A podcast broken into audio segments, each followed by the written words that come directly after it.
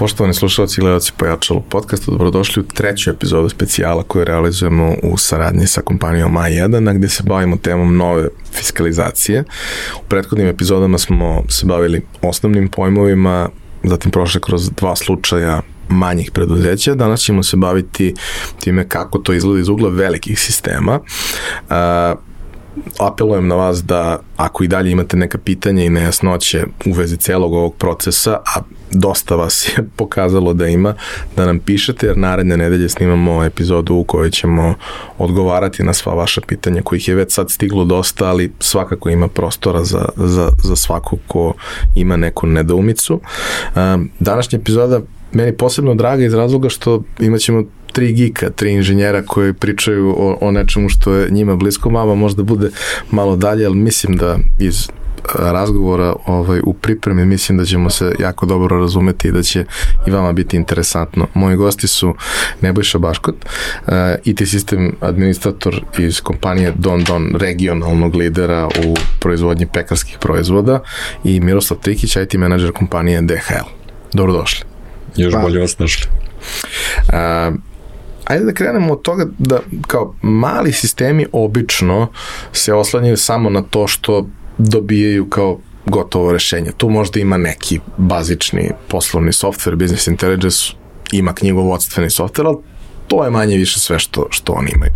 Veliki sistemi danas da bi mogli da funkcionišu moraju da imaju čitav ono, dijapazon poslovnog softvera koji je integrisan ispod svega.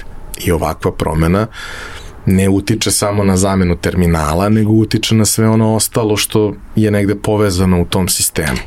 A, sa jedne strane imamo kompaniju koja je regionalni lider kad su te stvari u pitanju, a, svoje, svoje industrije. Sa druge strane imamo globalni sistem koji je zaista ogroman i pokriva ceo svet, da kažemo, primarno Evropu, ali pokriva ceo svet bez, bez ikakvih ovaj, tu dilema. Znam da je bilo 48 sati do bilo koje tačke. Preko 220 zemalja i teritorije. To je kad čovjek voli sebi da komplikuje život, a ako je iz Njemačke, onda on to i organizuje da funkcioniše kako treba. Uh, hajde da, da, da demistifikujemo samu organizaciju poslovnog softvera u jednoj i u drugoj firmi. Šta postoji uh, ispod svega. Naravno, ono što možete da podelite, jasno mi je da je deo toga poslovna tajna, prvo vi. Pa konkretno, kao što, kao što je pomenuto, DHL je globalna kompanija. Samim time, Uh, mi nudimo jednu te istu uslugu pre, u celom svetu, svim zemljama i samim time standardizujemo sve procese i sisteme koje koristimo. Tako da uh, mi koristimo, da kažemo, jedan globalni sistem. I evo, okvirno negde 280 plus aplikacija se koristi da bi proces DHL-a funkcionisao. A, kad kažete globalni sistem, jasno je da je, kažemo, tehnološka osnova i platforma zajednička, ali svaka zemlja ima svoje specifičnosti kako taj deo funkcioniše? Pa da je taj deo funkcioniše i konkretno uglavnom se svodi na carinski proces. Znači, jedino što se razlikuje u našem domenu rada je taj moment za uvoz i izvoz robe i kakvo je lokalno zakonodavstvo u toj zemlji. Samim time onda da li se koristi centralni sistem ili se koristi, da kažem, lokalna aplikacija. U našem slučaju mi imamo lokalnu aplikaciju koju koristimo da bi bili u potpuno inline sa standardom koji zahteva uprava carina. Ono što je meni uvijek bilo fascinantno, nekoliko puta sam sarađivao na, na nekim projektima sa, sa DHL-om i taj ceo sistem integracije sa rešenjima za elektronsku trgovinu koji postoji, e, jedna od stvari koja mi je bila fascinantna uvek u, u, u toj nekoj razmeni informacije na nivou slanja upita, dobijanja povratnih informacija, što sam uvek dobijao informacije o tome šta me čeka i sa druge strane. Odnosno, ako ja šaljem paket negde u ognjenu zemlju, nije bitno, negde na kraj sveta, ja znam možda ne sa 100% sigurnosti jer uvek može da se desi neka promena negde neka specifičnost, ali ja dobijem informaciju i šta očekuje onu drugu stranu kada je uvoz toga svega u pitanju, pa mogu da i možda snosim troškove toga u napred ili makar da pripremim onoga koji pre, e, prima paket da će to sve dobiti. Odakle uopšte sve te informacije i na koji način prosto to funkcioniše kao mnogo je veliki broj kombinacija. Mnogo je veliki broj kombinacija, ali zato kažem, sistem tu dolazi u igru. Znači, postoji jedan centralni sistem koji se puni sa podacima iz svake zemlje. I svaka zemlja je odgovorna da ažurira lokalne podatke, lokalno zakonodavstvo i lokalne procese. Tako da sa te strane uvek je trudi, trudimo se, ono čast izuzecima, ali da to uvek bude ažurno i up to date. Da može lako da se, da se daju prave informacije, jer to je suština.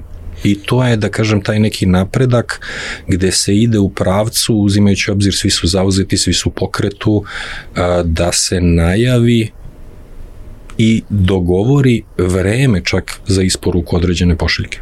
Ja, njemački standard, što, što se kaže. Svi mi inženjeri volimo da kažemo, nije važno da li je dobro ili loše, važno je da je predvidljivo. Ove, ovaj, e sad imamo sa druge strane, imamo sistem koji je, uh, baš smo pričali o tome u, u ovom nekom razgovoru koji je prethodio snimanjem podcasta, imamo sistem koji je uglavnom orijentisan B2B. Naravno, postoji i B2C aspekt, ali on ne predstavlja sad neki preveliki deo toga, ali taj B2B aspekt u vašem slučaju pokriva rad sa preko 5000 krajnjih korisnika u vidu prodajnih objekata koje, koji dobijaju vaše proizvode. Vi ste regionalni lider, a, firma, da kažemo, koja potiče iz Slovenije, odnosno kapital je u startu slovenački, ali isto tako firma koja je prethodnih godina imala značajan broj akvizicija, integracija sa drugim sistemima, koja je napravila jako veliki broj nekih koliko se sećam iz te neke priče koje sam čuo sarađujući prethodno, koja je napravila sa ciljem optimizacije i svega veliki broj manjih proizvodnih pogona koji mogu lakše da obsluže neke regione gde, gde je to potrebno i koja najčešće radi sa drugim velikim sistemima.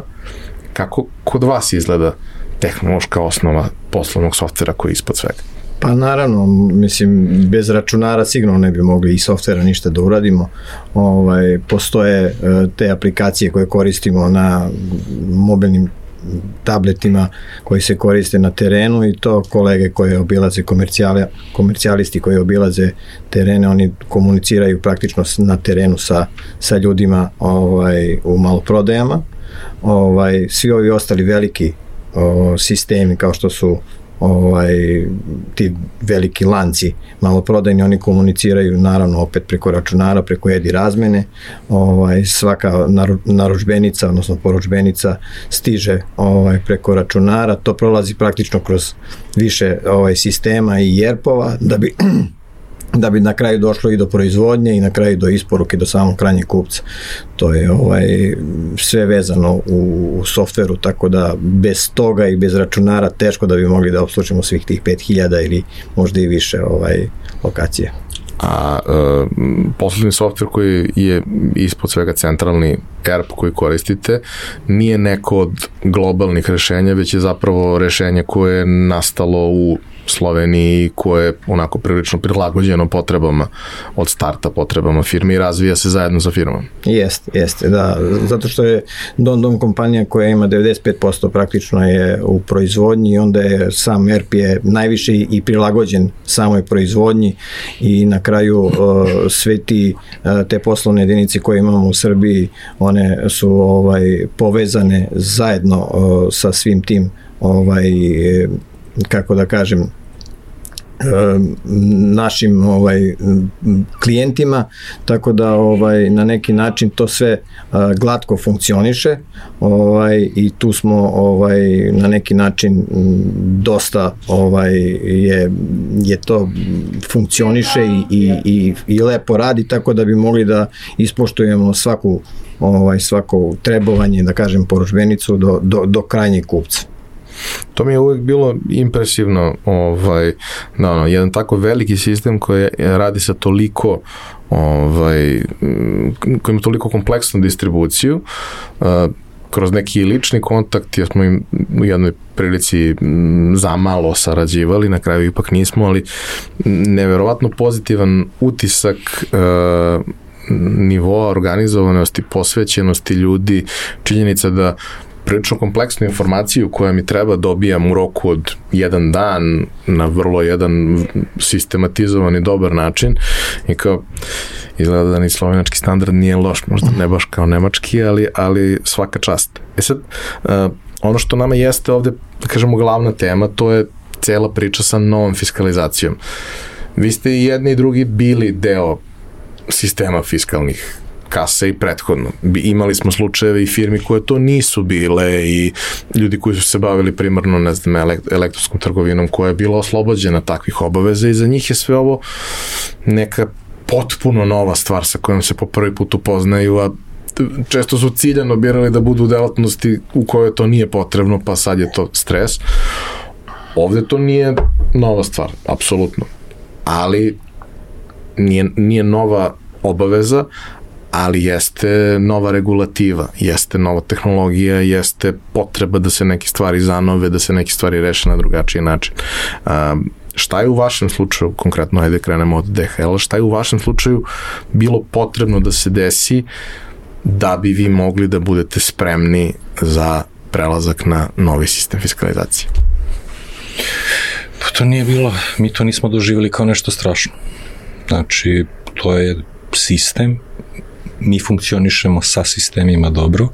Ovde je bilo glavno pitanje da se pokrene tenderski postupak, da se prikupe koje su mogućnosti, ko nudi šta od opreme, kakvi su uslovi. E, to kad se regulisalo i izabralo, formiran je tim, e, definisano je koja obuka zaposleni, koje obuke zaposleni moraju da prođu i samo je preostalo primjena, tako da mi tu nismo osetili nešto pretarano ovaj, kao problem.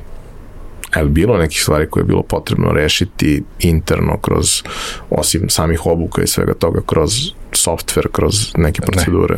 Ne, ne i, i razlog je što mi na kurirskim terminalima smo već imali te iznose. Mi imamo interni sistem i našu aplikaciju upravo da se prati takve stvari, jer na kraju dana kad se kurir vrati u, uh, u svoj centar, radi se taj takozvani debrief i na osnovu podataka iz kurirskog skenera vidi se šta je naplaćeno, koliko je naplaćeno i na taj način to centralno izveštavanje postoji. Ovde će biti, da kažemo, situacija gde umesto jedan uređaj svaki kurir će morati da nosi dva. Ali će neke stvari biti dostupne i u real time-u, što isto nije loše. Tako je. Kakva je situacija kod vas? Pa kod nas je situacija da smo imali praktično razvoj softvera, mi smo morali da se prilagodimo sad novim ovim regulativama, tako da ovaj pokrenuto je to još krajem novembra kad je to krenulo sve, tako da je sve u razvoju još uvek, u tesnoj fazi, znači što se tiče našeg softvera i što se tiče hardvera, da kažem ovih termalnih štampača, to je sve praktično završeno. Sad je samo da došli smo do tog trenutka da to prođe za ono da, da se vidi kako je sve to funkcioniše ovaj, da bi bili sigurni da bi pustili produkciju. A, lepa stvar koju smo čuli ovaj, je da novi sistem fiskalizacije podrazumeva i tu mogućnost da ti imaš uređaj u testnoj fazi koji zapravo radi sve što treba. Možeš da prođeš kompletno testiranje bez da sad praviš račune koje ćeš da storniraš i tako da nego zaista prođeš sve i ako radi onda znaš da radi da. i to ti je dobra polazna osnova za dalje. A, Pitaću vas još jednu stvar koja, da kažemo, možda se u vašem slučaju i nije dešavala, ali imali smo i među pitanjima koja su stigla i generalno u razgovorima sa ljudima koji su bili korisnici i starog sistema fiskalizacije, odnosno bili su obveznici fiskalizacije od kada je ona krenula 2000 četvrte godine ili kad već. Ovaj, a to je, e, da li je bilo nekih uh, izazova sa, sa starim uređajima i starim sistemom i uh, da li je, pošto dosta tih uređaja koji su i danas u upotrebi su uređaji koji su prilično stari. Uh, samim tim nude mnogo manje mogućnosti i funkcionalnosti, a umeđu vremenu smo došli do toga da možeš da platiš satom, da možeš da platiš narukvicom, da možeš da platiš telefonom, da možeš da platiš platnom karticom samo na dodir, što je mnogo lepo bilo u vreme korone, da nemaš mislim i dalje vreme korone, ali ok, u vreme kad je korona divljala da nemaš tu vrstu razmena bez ikakve potrebe, nego da sve možeš da završiš suštinski beskontaktno, ali to su sve tehnologije koje su se pojavile u prethodnih par godina. sistem je star 17 ili 18. A, kakva je bila situacija kod vas? Sa, sa jedne strane, dakle, da li je bilo nekih, a, da kažemo, generacijskih unapređenja kroz vreme kako se šta menjalo ili je sada prvi put da dolazi do tog nekog iskoraka u, u, u samom a, rešenju koje se koristi? Kod nas je situacija da ovo sad prva primjena, tako da nemamo iskustva sa tim generacijskim momentima. Vi ste odmah došli na dobro, što se kaže. Što se kaže, skok sa tačke A na tačku D. Kod vas? Pa što se tiče Don Dona, mi smo koristili stari sistem fiskalizacije i videli smo jedini problem u tim uređajima koji praktično ako treba nešto da se popravi ili se nešto desi sa samim uređajem, onda bi moralo da se kontaktira Poreska uprava i to je trajalo ovaj dan, dva nije duže, da kažem, ali svejedno to u, u, u ovom sistemu gde je sve živo, gde je sve brzo, to je jako dug period. U ovom slučaju sad kod nove nefiskalizacije gde gde su sertifikati u pitanju softverski koji se uvode i ovi su obični štampači, tako da prilikom ovaj, nekog kvara to je sad mnogo, mnogo jednostavnije i brže se ovaj, dolazimo do toga da možemo kupca da uslužimo na vreme. Jednu stvar bi još pitao, pošto, uh, ajde kažem, DHL je globalna kompanija samim tim, ima niz stvari koje mogu negde da se povuku kao iskustvo i znanje sa drugih tržišta, ali ovo je vrlo specifično iz razloga što je Don Don regionalna kompanija, a ovakav sistem fiskalizacije je već uveden, vrlo sličan model je uveden i u Hrvatskoj, mislim da i u Sloveniji vrlo sličan.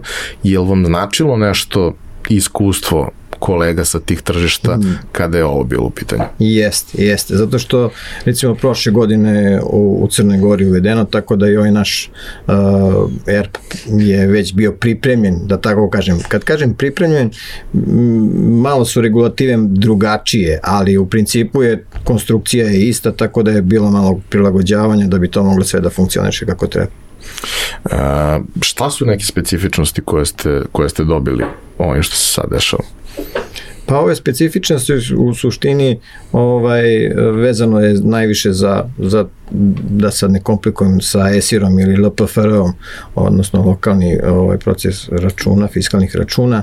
Uh, tu je bio izazov praktično da li da to bude ovaj softverski ili hardverski, o, tako da ovaj to se sve sad izvršava softverski, ne komunicira se direktno sa poreskom upravom, ovaj nego sa tim lokalnim procesorom i onda račun može da izađe brzo i bez obzira nije toliko zavistan od veze sa poreskom upravom interneta, mada su u današnje vreme to dosta ovaj, stabilno, nema više takvih inače prekida kao što je nekada bilo, ali u principu to nam je bilo ovaj jedan od onako specifičnih uh, zahteva da to sve funkcioniše kako treba, jer to je sve što se dešava u pozadini, ovaj kupac ne sme da zna i ne sme da primeti da se bilo šta desilo ili, ili će se desiti u budućnosti.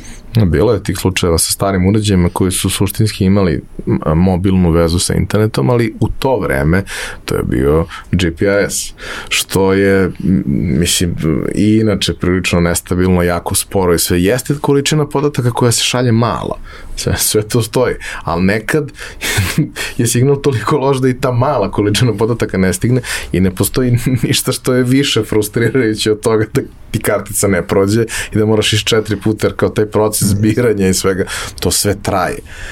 I onda dolazimo sad u situaciju da je malte ne postalo trenutno i da je to jedno, jedno sjajno iskustvo. Ja sam imao prilike da pričam i sa predstavnicima o, najvećih kartičara i jednom i drugom stranom, da ih ne imenujemo sad, ovaj, koje su ono, posle godina fokusa isključivo na to da korisnici budu što bezbedniji, što jeste naravno jako važno, došli do toga ok, sad su jako, jako, jako bezbedni, ali korisničko iskustvo postalo prilično loše jer to sve traje.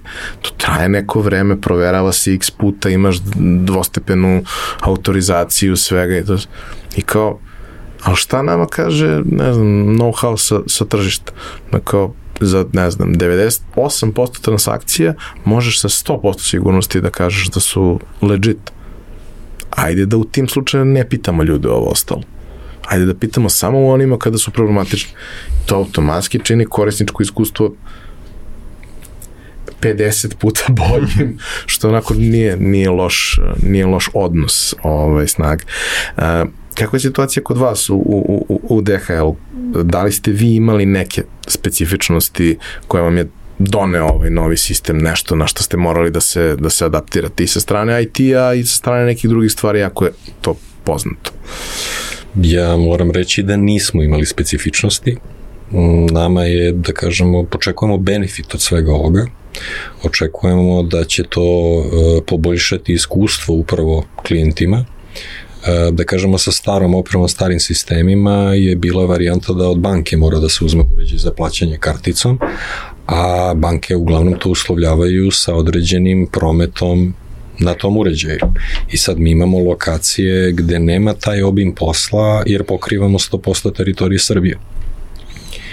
I automatski nismo mogli da ravnopravno rešimo taj problem na svim na svim mestima.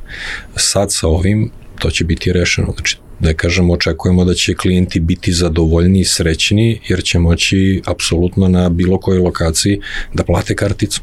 To je da. jedan od najvećih benefita. Da, to je sad postalo posebno moram da primetim ono, počeo sam i da zagledam nisam od onih što vole da gledaju ljude u prodavnici u redu ispred sebe i to sve. Sad sam počeo da zagledam malo ljude u poslednje vreme i vidim koliko se više koriste kartice nego, nego gotovina u odnosu na period od pre par godina. I dalje imaš situacije da negde ne možeš da koristiš kartice. Nema, na trafici nema kartica, nego moraš imati neku gotovinu i tu uvek ispadne problem. Na bankomatu si podigao, najmanja novčanica koju si dobio 5000 dinara, kupuješ nešto od 200. Kad dođeš na trafiku, verovatno ti prodavačica ili uh, prodavac ovaj, prokunu naredne tre generacije i ja zbog toga verovatno nemam kosu, ovaj, ali to su ti neki momenti koje prosto ne postoji razlog da u perspektivi tamo nemaš rešenje koje ti omogućava, to sad jasno mi je, postoji neka provizija, postoji nešto, te sve stvari su, posebno kad je neki lanac u pitanju, većina je sad su lanci, te stvari su dogovorljive, jer to je bezbedan lanac. Niko neće na trafici da e, napravi prevaru kupovinom novina, žvake, sladoleda ili bilo čega. Tako da nekako vidim da tu postoji ono dosta prostora za neku vrstu unapređenja korisničkog iskustva sada kada su ljudi mnogo više navikli da bezgotovinski plaćaju, što je u inostranstvu već duže standard. Naravno, opet svako tržište ima svoje specifičnosti. Mi smo sad krenuli sa ono QR kodovima koji još uvek nisu toliko ovaj u upotrebi, ali evo meni se dešava u poslednje vreme povremeno da mi stigne faktura sa QR kodom, ja sam najsrećniji čovjek na svetu, jer ne moram da prekucavam ništa.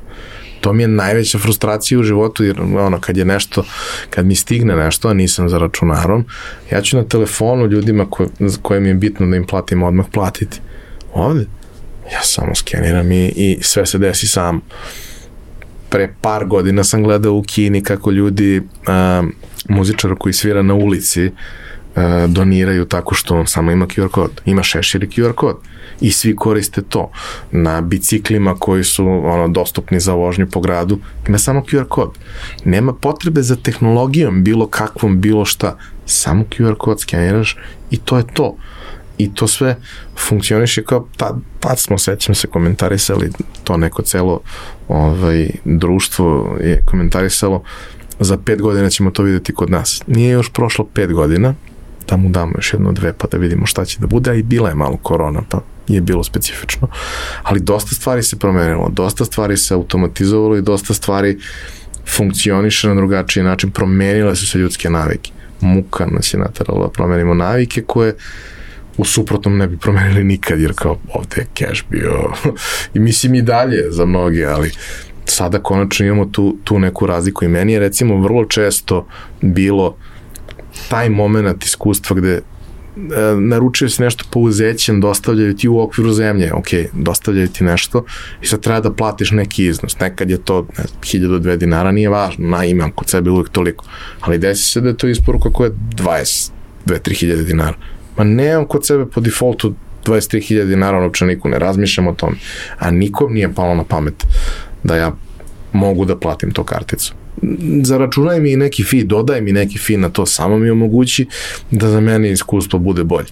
I onda desi se neke stvari, desi se neke promene i to postane uobičajeno, postane kroz neki ono Volt, Glovo, donesi, postane uobičajeno da si ti unapred platio karticu. Unapred si platio karticom kao šansa, kao kod dosta ima mnogo froda. Nema froda kad si platio unapred nešto, nula je froda. Nije zvao si telefonom pa se nisi pojavio na adresi i oni su doneli picu nekome ko ne postoji. Sve je ono, sistemski je osmišljeno na drugačiji način. No dobro, sad sam ja otišao u 101 digresiju. Ali tu si pomenuo bar, da kažemo, nekoliko pozitivnih elemenata protekle dve godine korona. Da, mislim... Sve te stvari su se razvile upravo da bi doveli do što više beskontaktne razmene para. Navike se menjaju, tako da ovaj, možda je to stvarno zaista pozitivno. Tako ja se nadam da jeste da ćemo neke dobre stvari povući iz svega ovoga, pored niza trauma koje očigledno povlačimo svi.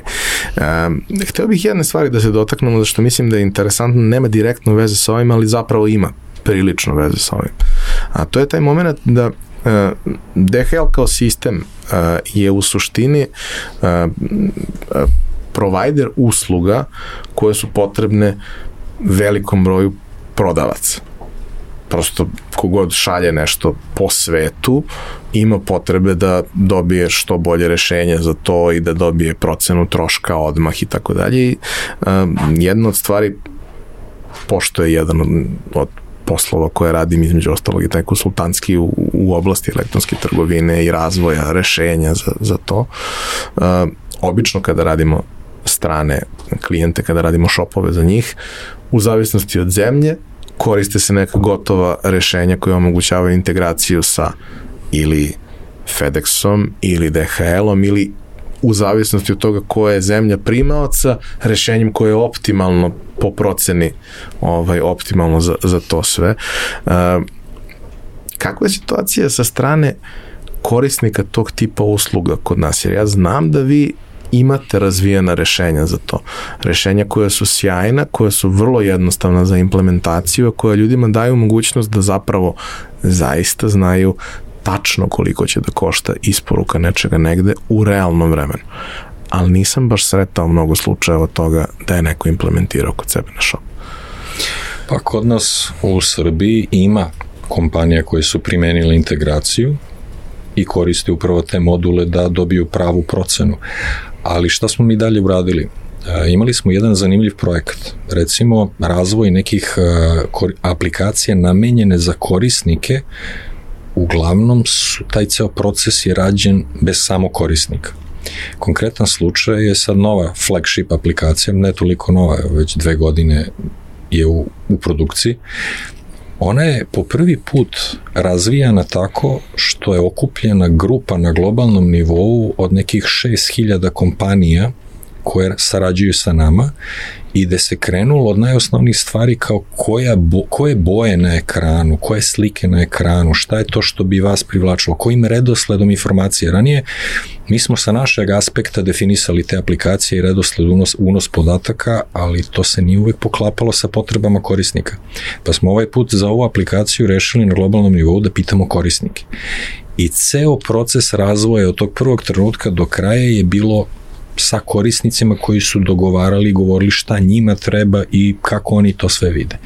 E ta aplikacija takođe omogućava da čovek unese odakle dokle šalje, šta šalje, koja je težina i momentalno dobije ponudu, ali ne jednu, pošto postoje od, više, više, više različitih ponuda. Ako recimo neko hoće garantovano narednog dana u Evropi do 9 ujutru da bude isporučeno ili do 12 ujutru, to su sve različite usluge. Tako da u zavisnosti od e, lokacije odakle se šalje do lokacije ili koje je odredište, čovjek može da dobije nekoliko ponuda koliko tačno košta i to ono specificirano tačno koji su sve troškovi tu kalkulisani ovaj, i da izabere koji od usluga u stvari njemu naj, naj, najbolje odgovara.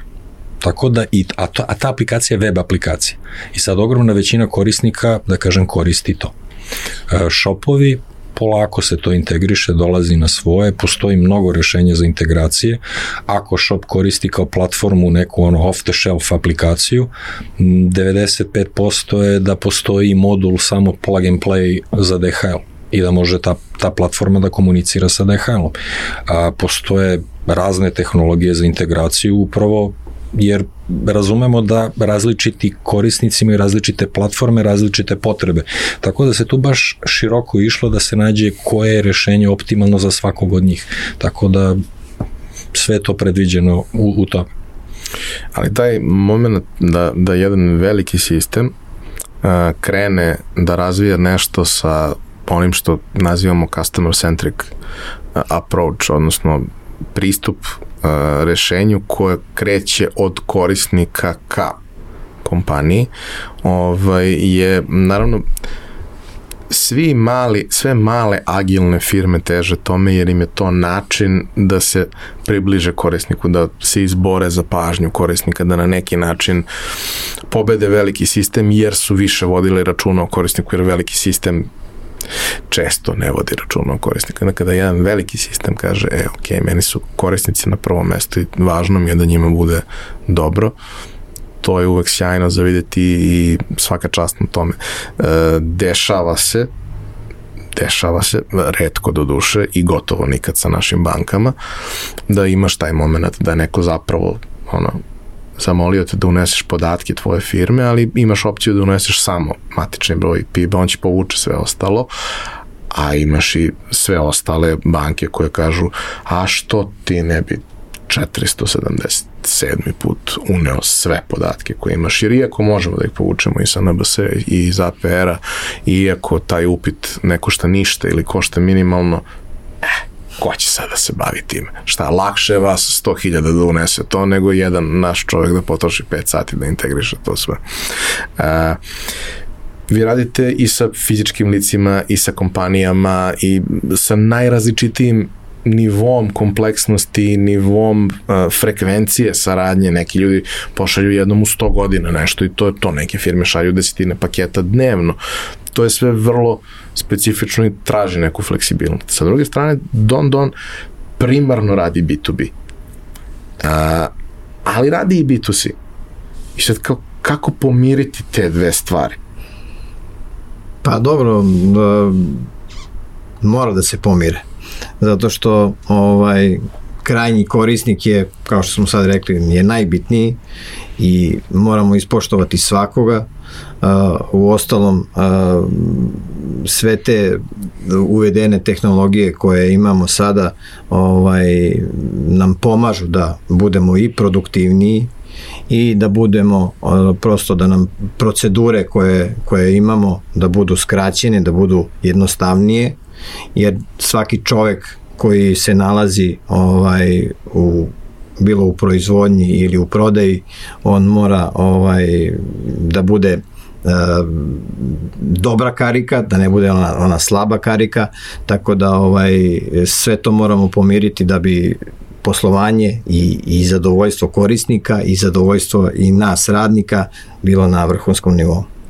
Jedna od stvari koje, koje se sećam ovaj, u jednom svojih projekata koje radim, koji ima isto taj moment da, da deo kupaca su biznisi, drugi deo kupaca su fizička lica, uh, postoji neki relativno veliki broj artikala koje je moguće kupiti, ali kad pogledaš na uzorku firme skoro sve kupuju 10 istih artikala, odnosno kupuju pet artikala, ali ako uzmeš u prosjeku pet artikala, ako uzmeš ukupno sve firme, možda ih ima 12 variacija sve zajedno. Kad pogledaš fizička lica, njihova prosječna poručbina ima 17 artikala, ali kad pogledaš ukupan pool iz kog su povukli makar po jedan, dva artikla, dolazimo na neku cifru od 400, 500, 600 i kao to je neki uh, organizacijno interno pakao ako to ide sa istog mesta. Sad, u vašem slučaju baš i ne ide. Jedna stvar je, kažemo, centralizovana proizvodnja koja je velika, Druga stvar su ti maloprodajni objekti gde ste vi samo distributer, iz, izvođač radova, one koji isporučuje, a treća stvar su objekti gde je moguće kupiti finalni proizvod, gotov proizvod. Ovaj, ali to kada, kada nije jasno izdeljeno, to zvuči kao noćna mora. I sad, kako je e, sa strane tehnike to rešeno? Jel postoje zasebna rešenja za te stvari? Pa jeste, da. Ovaj, softver je podeljen na način da imamo praktično ERP koji je u proizvodnji i imamo ERP koji je u maloprodajama i tu ima razlike. Uh, mi koristimo uh, softver u maloprodajama da bi mogli da uh, deo koji je vezan za maloprodaje, jer tu se nalazi praktično isto kao i ovaj obična ovaj maloprodajni objekat koji se nalazi bilo gde ovaj oni takođe vrše to trebovanje, odnosno naručivanje robe isto kao i, i bilo koja druga prodavnica. E, proizvodnja e, funkcioniše malo drugačije, ona ima taj kontakt sa, sa fizičkim licima, ovaj, kao i sa velikim kompanijama, i onda praktično svi ti e, različiti proizvodi stvaraju probleme, ali e, gledamo da to uvek bude ovaj na vrhunskom nivou, da to bude e, proizvod koji će zadovoljiti potrebe tržišta i to je večita borba. U principu moramo da se da osluškujemo tržište, da znamo šta tržište možda želi i da onda plasiramo neke i izmene samih tih proizvoda da bi mogli da budemo i konkurentni na tržištu i da to podignemo neki novi nivo, da budu neki novi proizvodi, jer svi volimo da budu to neki, ne, neke novine da se uvode, tako da ovaj, da li to u proizvodnji ili je u maloprodajnom objektu. Kad imaš podatke, onda s njima možeš nešto da radiš, a ovde pričam bukvalno o tome da sa što više strana dobijaš što više podataka i da imaš i mogućnost da ih ručno analiziraš, ok, ali da možeš da ih analiziraš i sistemski kroz razne alate i kroz razne sisteme za reporting i da ti to donese mogućnost da zapravo donosiš bolje poslovne odluke. U ovim nekim sad situacijama, baš smo to pričali i prošli put sa malim sistemima koji nemaju sav business intelligence koji software, ozbiljan poslovni software donosi i da to možda bude u jednom trenutku vrlo brzo, jeli, dodatna aplikacija na uređaju koja će da ti kaže evo neke zanimljive stvari koje nisi znao o svom biznisu jer svi smo mi posebno mali koji ne analiziraju to ciljano svi smo mi vrlo uh, skloni tim uh, kognitivnim greškama. Mi pamtimo stvari koje volimo. Mi mislimo da nam najbolje ide proizvod koji se nama sviđa, a realnost može da bude potpuno drugačija. Sad, tu mi je zanimljiv DHL kao, kao primer, jer recimo znam znam da postoji sad ono neki standardni cenovnik koji je dostupan svuda i na sajtu isklikćeš, dobiješ to sve. Ali to je jedna stvar potpuno je druga stvar kada ti dođeš kao biznis korisnik i kažeš, hej, ja ću slati x paketa godišnje ili x paketa mesečno. Da li možemo da pričamo o uslovima za to? Hej, ja znam da ću slati x paketa, ali slaću ih na vrlo konkretne lokacije da li mogu da dobijem bolju, bolje uslove od onoga što je defaultna cena za to koja ne uzima u obzir sve te neke specifične stvari. I čini se da je u ovom poslu distribucije pošiljki, posebno brze distribucije pošiljki, taj nivo analize svega zapravo ključ uspeha tog biznisa. A ko bolje analizira nešto od, od, od Njemaca? Kako to zapravo izgleda uh, iz, iz ugla neko ko je IT ono, menadžer, IT inženjer koji to gleda i verujem na momente divi se, ali kako to izgleda? Pa to si dobro ovaj, sve rekao. Suština je sledeća. Mm, svaka kompanija da bi bila održiva e, mora da posle profitabilno. I upravo ti sistemi dozvoljavaju da se radi kalkulacija profitabilnosti, e, da li je od recimo Beograda do Bona, Beograda do San Francisco, Beograda do Tokija, da se odmah izračuna koji je trošak da bi se ta usluga izvršila i onda možemo da pričamo u zavisnosti od količine broja pošiljaka i tako dalje, koliko da se koriguje cen. Znači, tu je, to je okej. Okay. Ali ono što je recimo nešto interesantnije jeste moment da sad se uvodi taj novi AI i upravo taj business intelligence recimo za nešto osnovno da se optimizuju kurirske rute. Recimo kurir treba da dostavi 50 pošiljaka u današnjem danu. i on ih sve samo skenira. Uređaj povuče sve podatke i adrese o tim, za te pošiljke gde treba da se isporuče i izađe mu optimizovana ruta kojim redosledom i kuda da vozi da bi dostavio sve te pošiljke. To je recimo jedan veliki benefit upravo ovaj business intelligence i tih analiza. Danas je gomila tih stvari zapravo dostupna u real time-u, ti možeš da pratiš ono, čak i stanje saobraćaja postoji kao uh, ono, podatak koji možeš da povučeš i uvučeš u sistem i on ti kaže E, jeste u idealnim uslovima optimalna ruta ova, ali sad nisu baš idealni uslovi, pa ajde sad preskoči ovo što si mislio, idi okolo i završi ove ostale stvari da bi ukupno bio na, na, na nekom boljem rešenju. Sjećam se ono prvih nekih zanimljivih uh, uh, momenta, kako se zove, taj problem se zove traveling salesman ili tako nešto, ovaj, gde kao jedno od prvih najbazičnijih rešenja kad nisi imao software koji može da ti rešava sve te stvari i nisi imao GPS tracking i sve to, je kao, uh, ruta je optimizovana tako da skrećeš samo desno. I kao, to je to. Ceo plan je napravljen tako da ni u jednom trenutku nemaš levo skretanje iz razloga što desno skretanje je najčešće u 99% slučajeva uslovno i možeš da ga izvedeš, posebno u Americi. Na osnovu globalnih, da kažem, analiza podataka utvrđeno je da najmanji broj e, saobraćenih nesreća na raskrsnicama se dešava kada se skreće desno i tako se i optimizuje sve upravo zbog bezbednosti pre svega. Pa ne znam, ja imam jako pozitivan sentiment kad vidim žuti kombi. Tako da, ono, nekako mi je to taj moment ovaj, i vrlo istaknutog brandinga koji u suštini imaju sve velike službe ok, ali taj moment da prepoznaješ iz aviona šta je u pitanju, mi uvek nekako ovaj, daje mi neko, ne, neki sjajan vibe.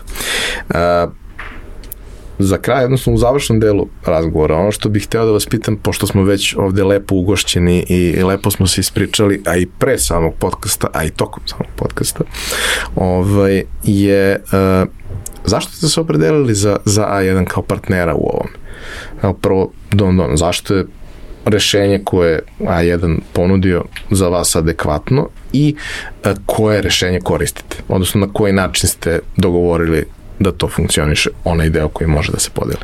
Pa dobro, na tržištu zaista ima puno ovaj već e, rešenja, a odlučili smo se za jedan iz razloga što smo imali već sa njima odličnu saradnju. Ovaj, prosto smo ovaj, rešili da tu saradnju nastavimo, jer Don Don se razvija brzo, i želimo da imamo neku kompaniju pored sebe koja nas može ispratiti na taj način, tako da ovaj, kroz tu saradnju koja je stvarno živa i odlična, smo prosto, prosto je bilo prirodno da nastavimo dalje i vezano za fiskalizaciju. Kod vas? Mi imamo baš dugogodišnju saradnju. Ako ne grešim, sarađujemo već unazad 15 godina i pokazalo se da uh, vrednost koja se dobija u saradnji sa A1 je apsolutno ono što nama treba. Uh, kada imamo neki problem ili posebnu potrebu i oni su voljni da nas saslušaju da nam izađu u susret. A to da kažemo jedan od onih primarnih momenata što i mi volimo da čujemo šta su potrebe naših korisnika, pa onda nam odgovara da i partner na isti način postupa u odnosu sa nama. Da, jedna od stvari koje smo čuli uh, zapravo od svih koji, koji imaju ovo iskustvo, uh, a inače su korisnici usluge dobar deo zapravo ljudi se naslonio na pozitivno iskustvo korišćenja osnovne usluge ovaj, je zapravo taj customer care moment mm -hmm. koji je kod nas nije baš uvek na najboljem mogućem nivou. Zapravo vrlo često je ispod nivoa na koji je negde prihvatljiv.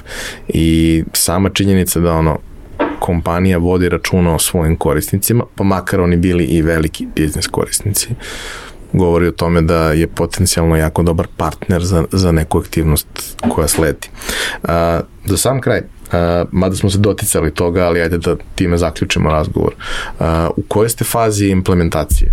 Ti si rekao da, da ste vi sada u fazi nekog završnog testiranja, da je manje više sve to implementirano. Kad očekujete da to bude up and running? Pa mi računamo da recimo u sledećih nedelju ili dve da ćemo krenuti sa produkcijom. Ovaj, sad je to sve u nekoj test fazi još uvek, u principu je sve to sad ok, ali želja nam je da ono budemo 100% sigurni da ne bi izašli sa nekom greškom ili da, ne, da imamo neki problem, tako da o, sistem sad funkcioniše kako funkcioniše po starom sistemu, a e-fiskalizacija kada bude došla uz naravno obuku korisnika i nekom a, implementacijom tih rešenja postepeno, da naši korisnici praktično to ne budu ni osetili, niti, niti primetili da, je, da smo prešli na e-fiskalizaciju, sem naših ovaj, radnika koji bi, nadam se, bili zadovoljni da ne bi imali toliko nekih mogućih problema koji su imali do sada. Kakva je situacija kod vas? Kod nas uređaji su svi isporučeni, registrovano je sve sa ministarstvom, postavljaju se sad i bezbedonosni tokeni da se uspostavi komunikacija, testiranje je već da kažemo krajnja faza i ono što jedino predstoji je obuka zaposlenih u radu sa samim uređajem, tako da vrlo smo blizu u roku od isto par nedelja. Hvala vam što ste podelili iskustvo dva velika sistema i e, nadam se da je svima koji ovo slušaju, bilo da su iz malog, srednjeg, velikog ili baš onog malog, malog, malog mikro preduzeća, verujem da su mogli da čuju nešto vrlo interesantno i korisno kako to veliki rade neke stvari na, na, na sjajan način. Uh, i da imaju temu da ih boli glava da razmišljaju neko vreme šta, šta s tim mogu da urade. Ono što je meni važan zaključak, uh, zaista važan zaključak, to je da ste vi krenuli na vreme, da ste vi sada već u završnoj fazi, a ima još skoro dva meseca do, do trenutka kada je krajnji rok za to sve i da je definitivno preporuka svima koji ulaze u ovako nešto da ne čekaju zadnji trenutak jer ne znamo kakva će situacija biti tada. Ono što znamo, što nam je potvrđeno i u prvoj epizodi i mnogo puta već rečeno, neće biti dodatnih pomeranja rokova. To je to. Znači, kraj aprila je poslednji rok i nakon toga više nema, nema tolerancije uzmite uređaje na vreme, obučite se na vreme, istestirajte stvari na vreme, pripremite se i onda uđite lagano u poslednji mesec i birajte kada ćete da, da pustite celu stvar uh, live i svakako iskoristite priliku da u uh, narednoj epizodi dobijete odgovor na eventualno još neko pitanje koje imate i nejasnoću koje, koja vas muči. Dobili smo dosta pitanja, uh, biće objašnjeno dosta stvari koje se nismo dotakli u prvoj epizodi jer je ona bila da kažemo da pokrijemo neki generalni slučaj da najčešće ovaj najčešće pitanja koje ljudi imaju, ali postoji i niz specifičnih pitanja koja se takođe odnose na neki veći broj korisnika od samo nekog pojedinačnog. Hvala vam na pažnji, nadam se da vam je bilo interesantno. Redovna epizoda naredne nedelje, naredni specijal, naredne srede. Vidimo se.